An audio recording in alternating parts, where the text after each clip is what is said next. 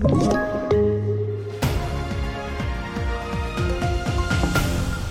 Upp till tusenlappen i pensionshöjning. Ryss uppges ha gripits efter drönarflygning och svettigt för Boris Johnson efter festrapport.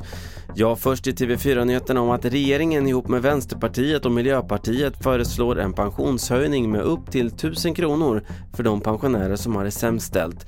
Det beskedet gavs på en pressträff idag. Vi hör vänsterledaren Nooshi Dadgostar.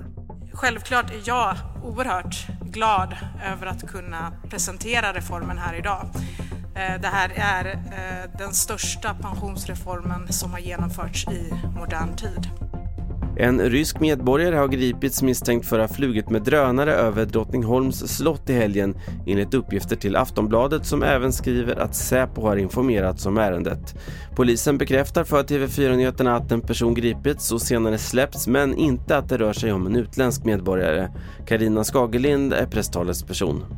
Nej, vad jag förstår är det skyddsvakterna på slottet som har reagerat på att en person har flugit, flugit med en drönare på en plats där man inte får göra det. Och då har de helt enkelt gripit in och eh, gripit den här mannen. Det är hård kritik mot Storbritanniens premiärminister Boris Johnson i rapporten kring festskandalerna på 10 Downing Street. För en stund sedan höll han tal i parlamentet där han bad om ursäkt för festerna och att han accepterar rapporten och att polisutredningen nu får jobba vidare. Sorry. And I'm sorry for the things we simply didn't get right, and also sorry for the way that this matter has been handled. And it's no use saying that this or that was within the rules, and it's no use saying that people were working hard.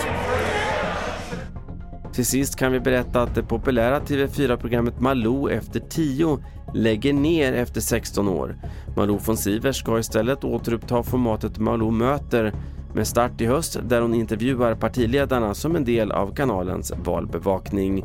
Fler nyheter i appen TV4 Nyheterna. Mitt namn är Carl-Oskar Alsen.